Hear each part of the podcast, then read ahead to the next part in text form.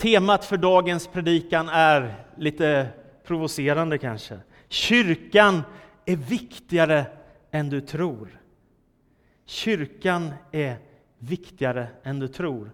Och nu har jag en berättelse från en bok som jag har läst här i veckan, som jag tyckte var så härlig, som illustrerar så mycket om att förstå vad det är vi håller på med. Är ni med? Föreställ dig en familj ihoppressad i bilen på väg hem från kyrkan efter söndagens gudstjänst. Klockan har hunnit bli halv två efter kyrkkaffet och fläkten går igång på högvarv för att hålla imman på rutorna, stången. Under en lång stund är pappas kurrande mage det enda ljud som bryter tystnaden. Efter att ha fått stanna vid ett rödljus för tredje gången utbrister han irriterat. Usch, vilken lång gudstjänst det var idag! Jag trodde aldrig att vår pastor skulle komma till punkt. Medan mamma i familjen som tar hand om barnen i söndagsskolan sitter och funderar över ett av barnen som inte synts till i kyrkan på ett tag och tänker att hon borde ta kontakt och kolla läget med familjen. Och farmor som är med i bilen säger Vilken hemsk skjorta mötesledaren hade på sig idag. Varför kan det inte vara lite stil och värdighet i kyrkan nu för tiden? Sonen Pelle, 16 år, säger att han motvilligt följt med till kyrkan, suckar tungt och säger varför kan det inte vara lite normal musik i kyrkan? Det är ju segt så att man somnar. Den enda som inte säger något är dottern Lisa, 14 år. Hon har svårt att hålla tårarna tillbaka.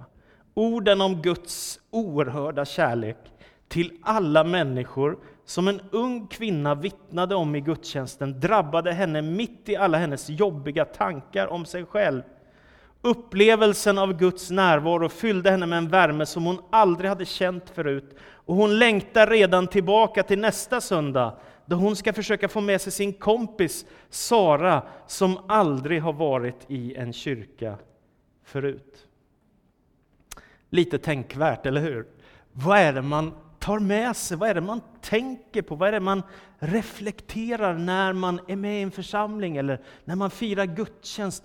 Vad bär man med sig? Vad är det som, ger, liksom, som man ger vidare ifrån sitt liv? Kyrkan är viktigare än du tror. När man börjar läsa Bibeln, när man börjar studera Bibeln på allvar, så är det som att man blir indragen i en gigantisk berättelse. En fantastisk berättelse om Gud, om hans folk, om hans gärningar, om hans kyrka, om hoppet, om evigheten. Det är en fantastisk skildring, en oerhört stark berättelse om hur Gud vill rädda världen. Och att få tag på den berättelsen hjälper oss ut ur vår egen lilla berättelse in i Guds stora berättelse som har med evigheten och den djupaste meningen i livet att göra. Det är en storhet att börja förundras över vilken gåva livet är. Den gemenskap som berättar och vittnar om den här tron och berättelsen, det är en skör och bräcklig gemenskap som kallas för församlingen. Helt vanliga människor som sträcker sig mot Gud och som tar emot Jesus Kristus som frälsare och som har denna gigantiska vision att allt som existerar kommer ifrån Gud och att den djupaste meningen som finns i livet kopplar till Gud och att det finns en fortsättning i evighet som har med Gud att göra. När Jesus berättar liknelser om detta så säger han det är som en dyrbar skatt eller det är som den vackraste pärla som du kan tänka dig att man kan finna, som man kan sälja allt för, för att få tag på. Och ett brev i Bibeln som allra tydligast skildrar den här visionen av Guds rike och Jesu Kristi herravälde, det är Efesierbrevet, där trons skatter finns så väl formulerade. Och du kan lägga upp nästa text där. Efesierbrevet kapitel 3, vers 14 till 21. Aposteln Paulus skriver, inspirerad av helig Ande. Därför vill jag falla på knä Fadern, efter vilken genom allt vad Fader heter i himlen och på jorden har sitt namn. Måtte han i sin härlighets rikedom ge kraft och styrka åt er inre människa genom sin ande, så att Kristus genom tron kan bo i era hjärtan med kärlek. Stå fasta och var stadigt rotade i honom, så att ni tillsammans med alla de heliga förmår att fatta bredden och längden och höjden och djupet och lära känna Kristi kärlek som är väldigare än all kunskap, tills hela Guds fullhet uppfyller er. Han som verkar i oss med sin kraft och förmår göra långt mer än vi kan begära eller tänka. Han ser härligheten genom kyrkan och genom Kristus Jesus i alla släktled, i evigheters evighet. Amen. Amen. Det finns alltid mer att förstå om den kristna trons hemligheter och djup. Du kommer aldrig komma till den punkt när du vet allt om Kristus. Du kommer aldrig dit. Du kommer aldrig komma till den punkt där du känner nu greppar jag fullheten i vem Gud verkligen är, djupast sett i sitt väsen. Du kommer aldrig komma dit. Men du kan vara på resa mot att upptäcka mer i trons värld och fördjupa dig i din tro och lära känna Kristus. Trons hemligheter. Så kom ihåg när du börjar vandra in i trons värld och börjar försöka förstå. Gud är alltid större. Det står i första Johannesbrevet. Gud är alltid större än våra hjärtan. Han vet mer och kan göra vad han vill. Och därför att börja lära känna Gud, eller att fördjupa sig i sin tro, det är det mest meningsfulla man kan ägna sig åt i sitt liv. För det här ska pågå i evighet. Det ska aldrig någonsin ta slut. Det är den kristna kyrkans evangelium att förmedla. Därför säger han att du ska bli rotad i tron. Se till att bli stadigt rotad i tron. Och det är tillsammans med alla andra troende på Kristus som man kan förstå storheten i detta. Det är när man börjar ana det enorma, gigantiska perspektiv som Gud ger oss genom Jesus Kristus, att vi tillsammans kan börja se hur stort det är vi dras in i en gemenskap som har med Fadern och Sonen och den heliga Ande att göra. Och en del tycker detta är svårt när vi säger att vi tror på en Gud som har uppenbarat sig i historien som Fader, Son och Ande. Och jag säger gång på gång, för mig är det en sån lycka att jag inte måste bara tro på en Gud som sitter på tronen i himlen, utan en Gud som har uppenbarat sig i historien genom Jesus Kristus. Gud har fått ett ansikte i världen genom Jesus, Guds son. Han har visat oss vem Gud är. Och när Jesus far upp till himlen så säger han, jag ska sända en annan hjälpare som ska vara hos er för alltid. Den helige Ande, sanningens ande, livets ande. Det är därför du kan bli andedöpt och fylld av helig ande. Det är därför anden kan ta sin boning i dig och du kan bli som ett tempel för Gud själv. Det är fantastiskt.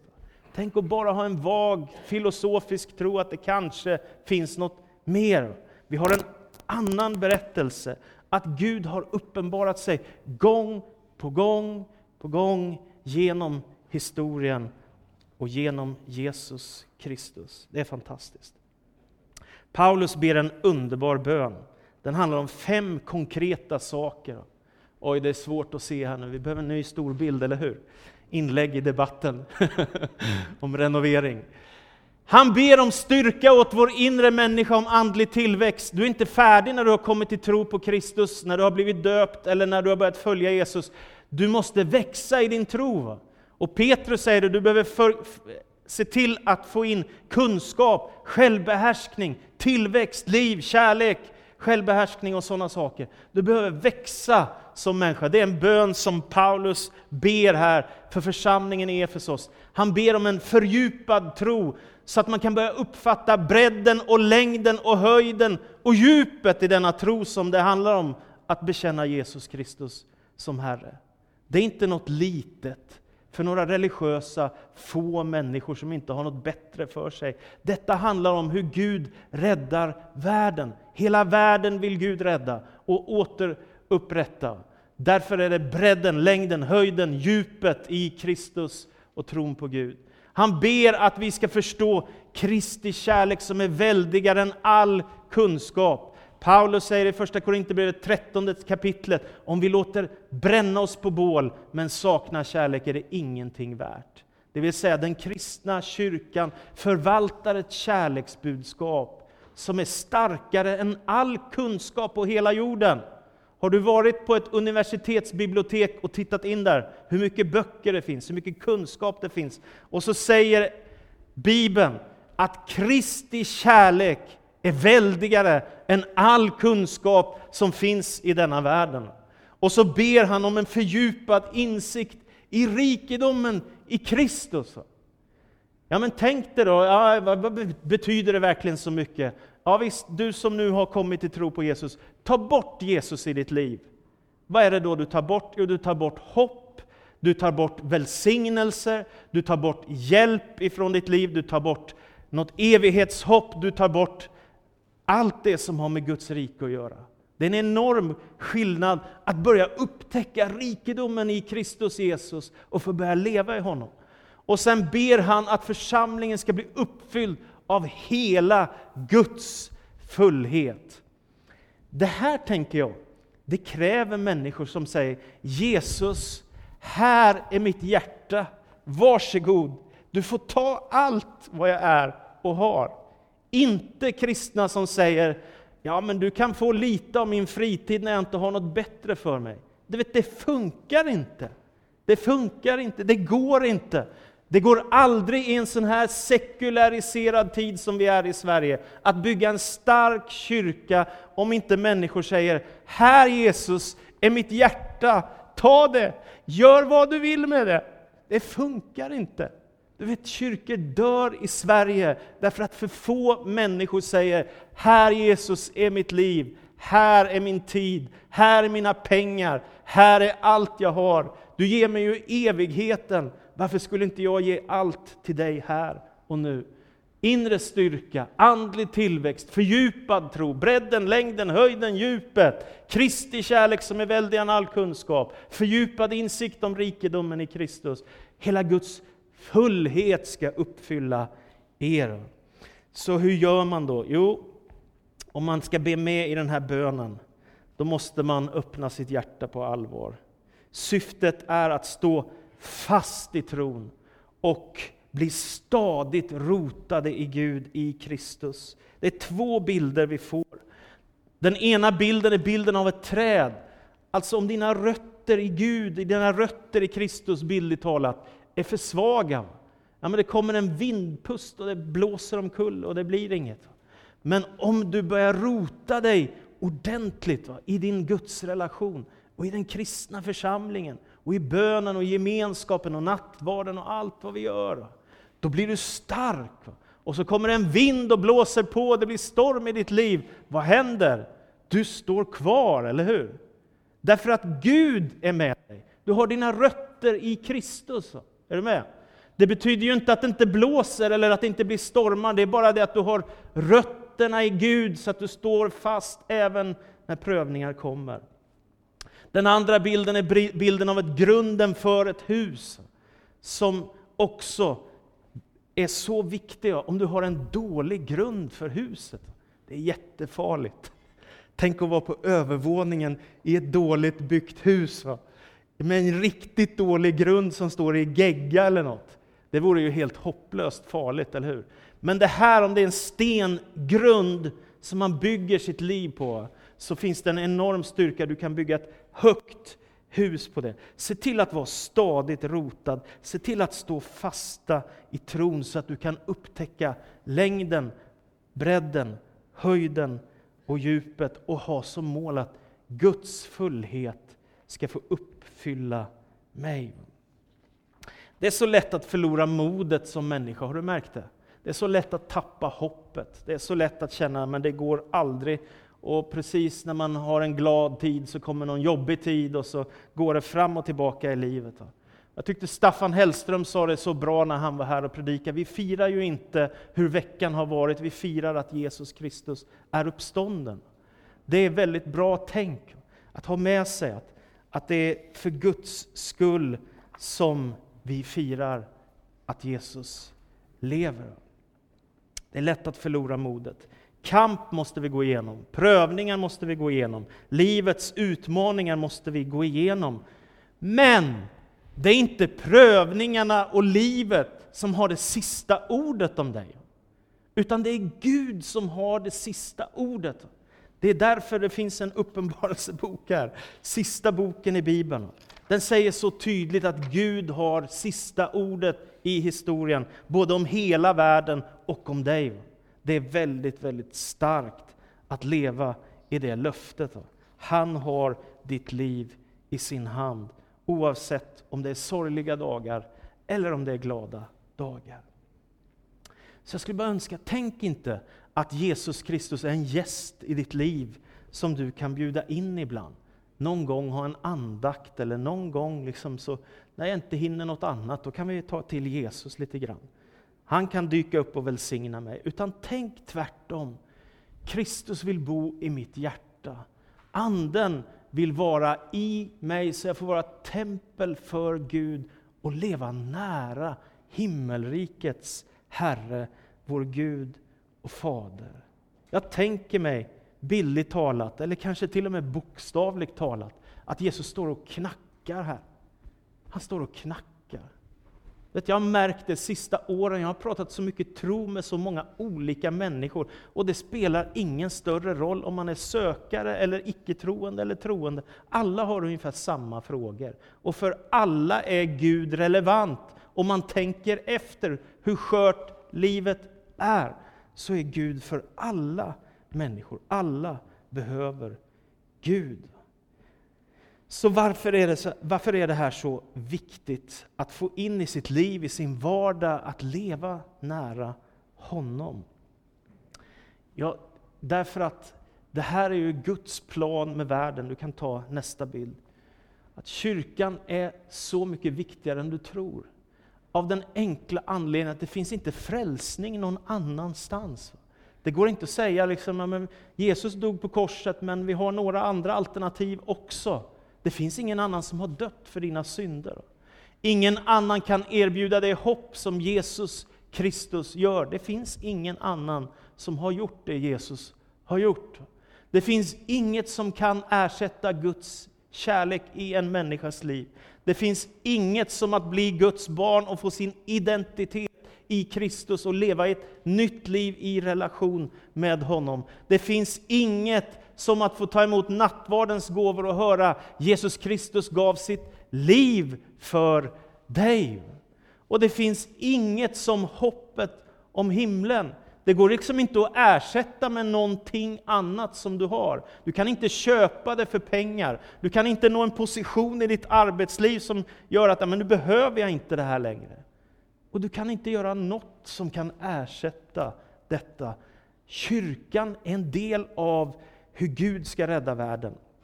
Och det jag upptäckt ju mer jag läst Bibeln sista tiden, det är ju, det är inte bara så att Gud är på jakt efter att frälsa människor. Det är inte, han nöjer sig inte med att du ska till himlen, att det är hans syfte bara, utan det är mycket större än så. I Romarbrevet kapitel 8 så säger Paulus att hela skapelsen suckar och väntar på den dagen när Gud ska upprätta hela världen. Han har en plan för hela skapelsen.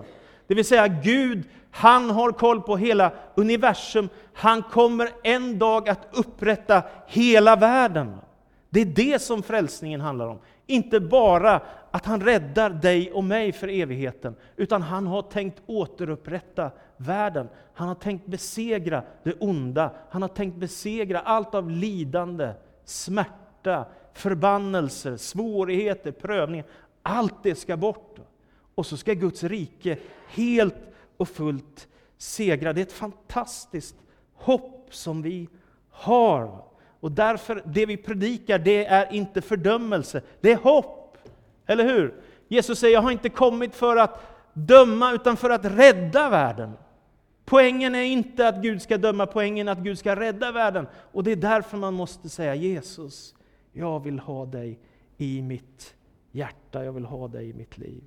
Så kyrkan, det är ett folk. Du vet Israels folk, de blir utvalda av Gud. Det börjar med Abraham, som först blir kallad av Gud. Och sen får han en löftesson, som i sin tur får barn. Och sen till slut så är de tolv stycken stammar i Israels folk. Det har gått från Abraham till Israel. Israel är ett folk som lever med Gud. De ska vara ett vittnesbörd för världen om att Gud är god och barmhärtig och helig.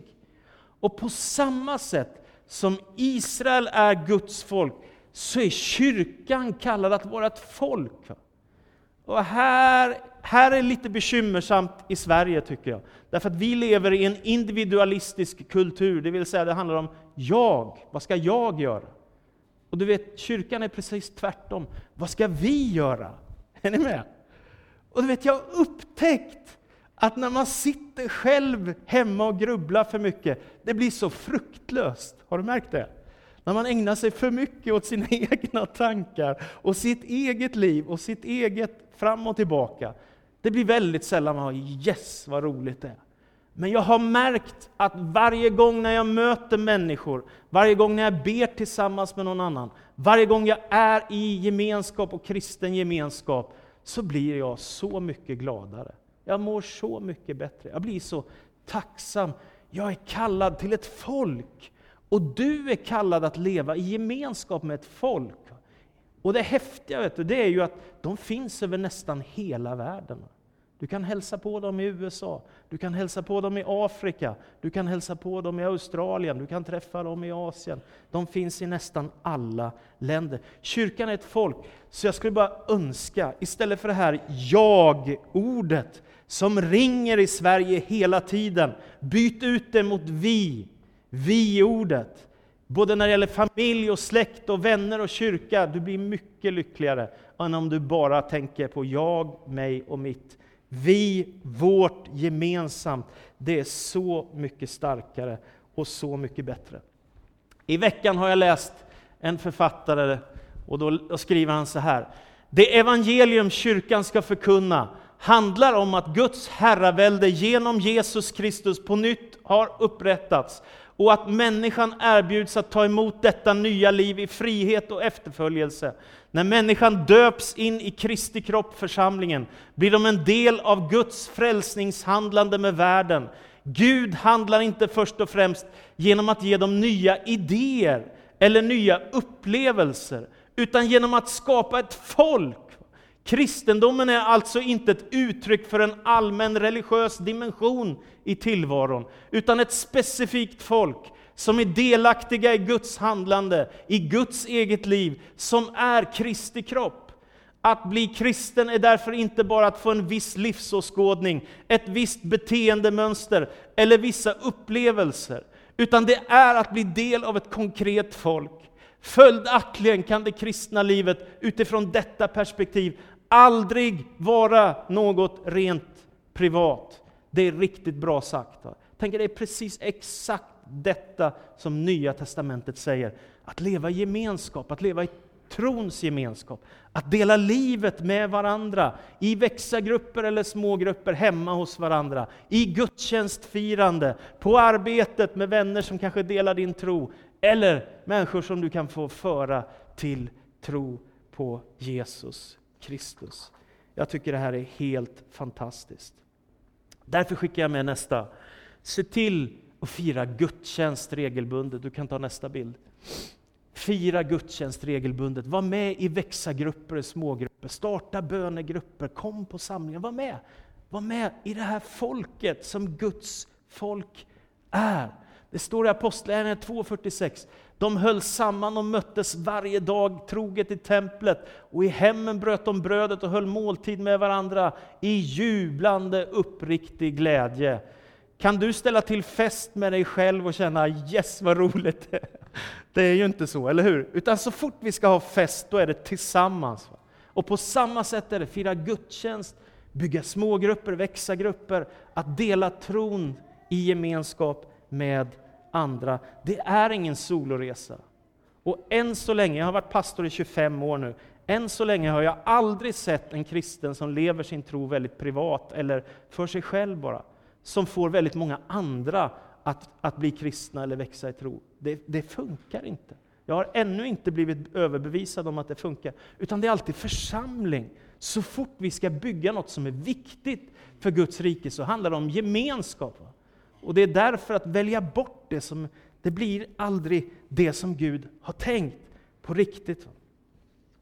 Så, jag hörde en underbar, eller det var inte, förlåt, den var inte underbar, utan jag hörde en berättelse som inte var så underbar.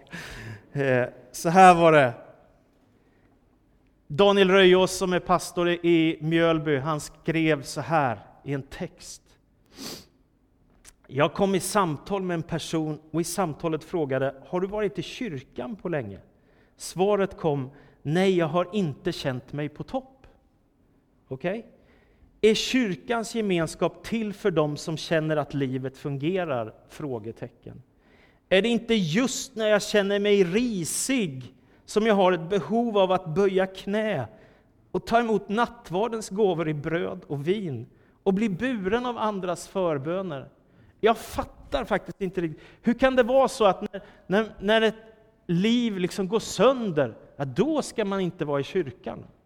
Eller när en familj går sönder, då ska man inte vara i kyrkan. Eller när jag krisar på mitt arbete och det blir konkurs, då håller jag mig borta för jag skäms.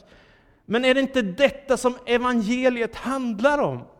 Att Gud älskar människor och att när livet går sönder så finns ju församlingen där. Ska vi ha en kyrka för människor som är på topp? Ja, men det blir ju helt värdelöst, eller hur? Och hur länge i så fall är du på topp? Om vi är ärliga, hur länge är du på topp? Ja, det är inte så länge, ganska fort så är livet bräckligt och så är man ner i någon dal igen. Så kyrkan är för människor som behöver Jesus. Kyrkan är för människor vars äktenskap går sönder. Kyrkan är för människor vars liv inte håller samman. Kyrkan är för människor som är sjuka och trötta. Kyrkan är för människor som inte har råd att ge pengar i kollekten. Den är för alla människor. Den är för människor som har det väldigt svårt i sitt liv. Det är ju därför Jesus kom, eller hur? Så jag vill bara skicka med det. Se till att du lever med andra troende, oavsett hur livet ser ut. Till slut, tillsammans kan man göra så mycket bra. Tänk vad en kyrka kan göra. Nu ska jag avsluta med att bara berätta ett par minuter vad vår kyrka gör i andra länder, bara för att du ska få en bild. Att det här är inte bara här, vi är på många platser. Vi har ett barn, en barnby i Bolivia som vi är med och understöder. Och vår ordförande jobbar hårt med det här arbetet, har gjort i många år, Dan Kihlström. Det handlar om föräldralösa barn eller barn som har väldigt svåra omständigheter. Och tack vare att vi har haft barnloppis här ett par gånger i år och dessutom har en second hand-butik så har vi kunnat skicka kanske, jag vet inte exakt, men kanske 100 000 i år till de här människorna som behöver lite omsorg och kärlek och hjälp. Visst är det ganska fantastiskt? I Kenya har vi i många år arbetat. Vi har Magdalena Kellel där som en av våra medarbetare som vi har jobbat med i många, många år. Hon har jobbat för att stoppa spridningen av HIV och aids bland massajerna, det folk som hon själv kommer ifrån. Och har gjort stor skillnad därför att hon har kunnat ge kunskap om hur det här sprids, vilket gör att det kan stoppa upp och bromsa upp. Och nu har hon också börjat jobba med jämlikhet mellan män och kvinnor i den här kulturen. Det är jätte, jättespännande och massor av människor kommer till tro på Jesus. Jag tror att hon sa att ungefär 40 procent av massajerna har kommit till tro på Jesus och det är ju bara på några årtionden. Det är rätt spännande det som händer där. Va? Det är en enorm utveckling. I Grekland, i Thessaloniki, har vi en vänförsamling. Våra kära vänner Paolo och Mary Demetriades kommer hit på vår årshögtid i januari, första söndagen i januari. Vi har under flera år jobbat tillsammans med dem för att hjälpa flyktingar och vi var nere där för ett par år sedan och åkte på en resa och besökte vår vänförsamling. Då åkte vi också till ett flyktingläger där 14 000 människor satt i tält på en leråker eller en gräsåker och där de fick hjälp av kyrkan, och fick hjälp av UNHCR och av Röda Korset. Det var vi som fanns där och hjälpte de här människorna i en liten grekisk by med hundra invånare. Ni förstår vilken kaos för människor. Där har vi gjort en stor insats och gjort ett samarbete med några som heter Human Bridge. Vi har haft insamling av kollekt och det har skickats hundra ton av hjälpsaker dit de år som ligger bakom. Och nu så när vi hade besök sist ifrån Grekland så sa Janis Demetriades som är pastorsson där, att det kom en från stan och tackade oss för att vi har hjälpt 10 000 flyktingar nu. Det är rätt fantastiskt, eller hur? Det är rätt stort. Vi har med detta att göra. I Bangkok har vi Daniel och Paulina Brolin som vi är med och understöder en del av deras missionärsunderhåll. De jobbar med att bygga en församling mitt i ett buddhistiskt land, i en gigantisk storstad där det bor 15 miljoner människor. Där predikar de om Jesus och döper människor till Kristus. Och de går varje vecka till ett fängelse där illegala eh, människor sitter då, som inte har tillstånd att vara kvar i Thailand som hamnar i fängelse. Det är inte här som flyktingförläggningar, utan det är fängelse. Dit går de varje vecka för att hjälpa de här människorna. De försöker hjälpa prostituerade också, och på olika sätt finnas till hjälp.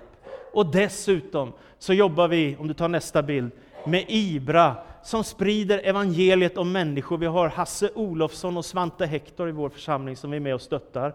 De sprider evangeliet bland människor som aldrig någonsin har hört talas om Jesus, via media. Det kan vara dator, sociala medier, tv-program, radio eller andra saker. På många olika sätt sprids evangeliet. Och jag tror, om jag minns rätt nu, att Svante sa till mig att Ibra har fått se ungefär 1500 små husförsamlingar växa fram de senaste åren bland människor som aldrig har hört talas om Jesus förut. Kan jag göra det här själv? Det kan jag inte, kan du? Tillsammans kan vi göra sådana här saker. Och tillsammans kan vi bygga församling här i Karlstad. Förstår du hur viktig kyrkan är? Det här är bara en kyrka. Hur många tusentals kyrkor finns det i Sverige? Och det finns fem miljoner kyrkor i världen. Det är fruktansvärt viktigt. Paulus skriver till sist, därför vill jag falla på knä för Fadern, efter vilket allt vad Fader heter i himlen och på jorden har sitt namn. Måtte han i sin härlighetsrikedom ge kraft och styrka åt er inre människa genom sin Ande, så att Kristus genom tron kan bo i era hjärtan med kärlek, stå fasta och vara stadigt rotade i honom, så att ni tillsammans med alla de heliga förmår att fatta bredden och längden och höjden och djupet och lära känna Kristi kärlek som är väldigare än all kunskap, tills hela Guds uppfyll, fullhet uppfyller er han som verkar i oss med sin kraft förmår göra långt mer än vi kan begära eller tänka. Och hans är härligheten genom kyrkan och genom Kristus, Jesus i alla släktled i evigheters evighet. Amen. Fader i himmelen, jag tackar dig för din godhet och trofasthet. Och jag ber att du ska välsigna vår församling, här. Jag önskar att det skulle koka i vår gemenskap av Jesus passion, av fascination över trons värld och att få tränga djupt in i ordet och bönen och gudstjänsten och livet med dig och att få bygga en levande kyrka, en växande kyrka och en kärleksfull gemenskap och en inbjudande församling, här och att vi får mogna och djupna som kristna också, gå vidare i tron och växa som lärjungar, Herre. Det är min bön, Herre så ber jag i Faderns och Sonens och den helige Andes namn. Halleluja. Amen.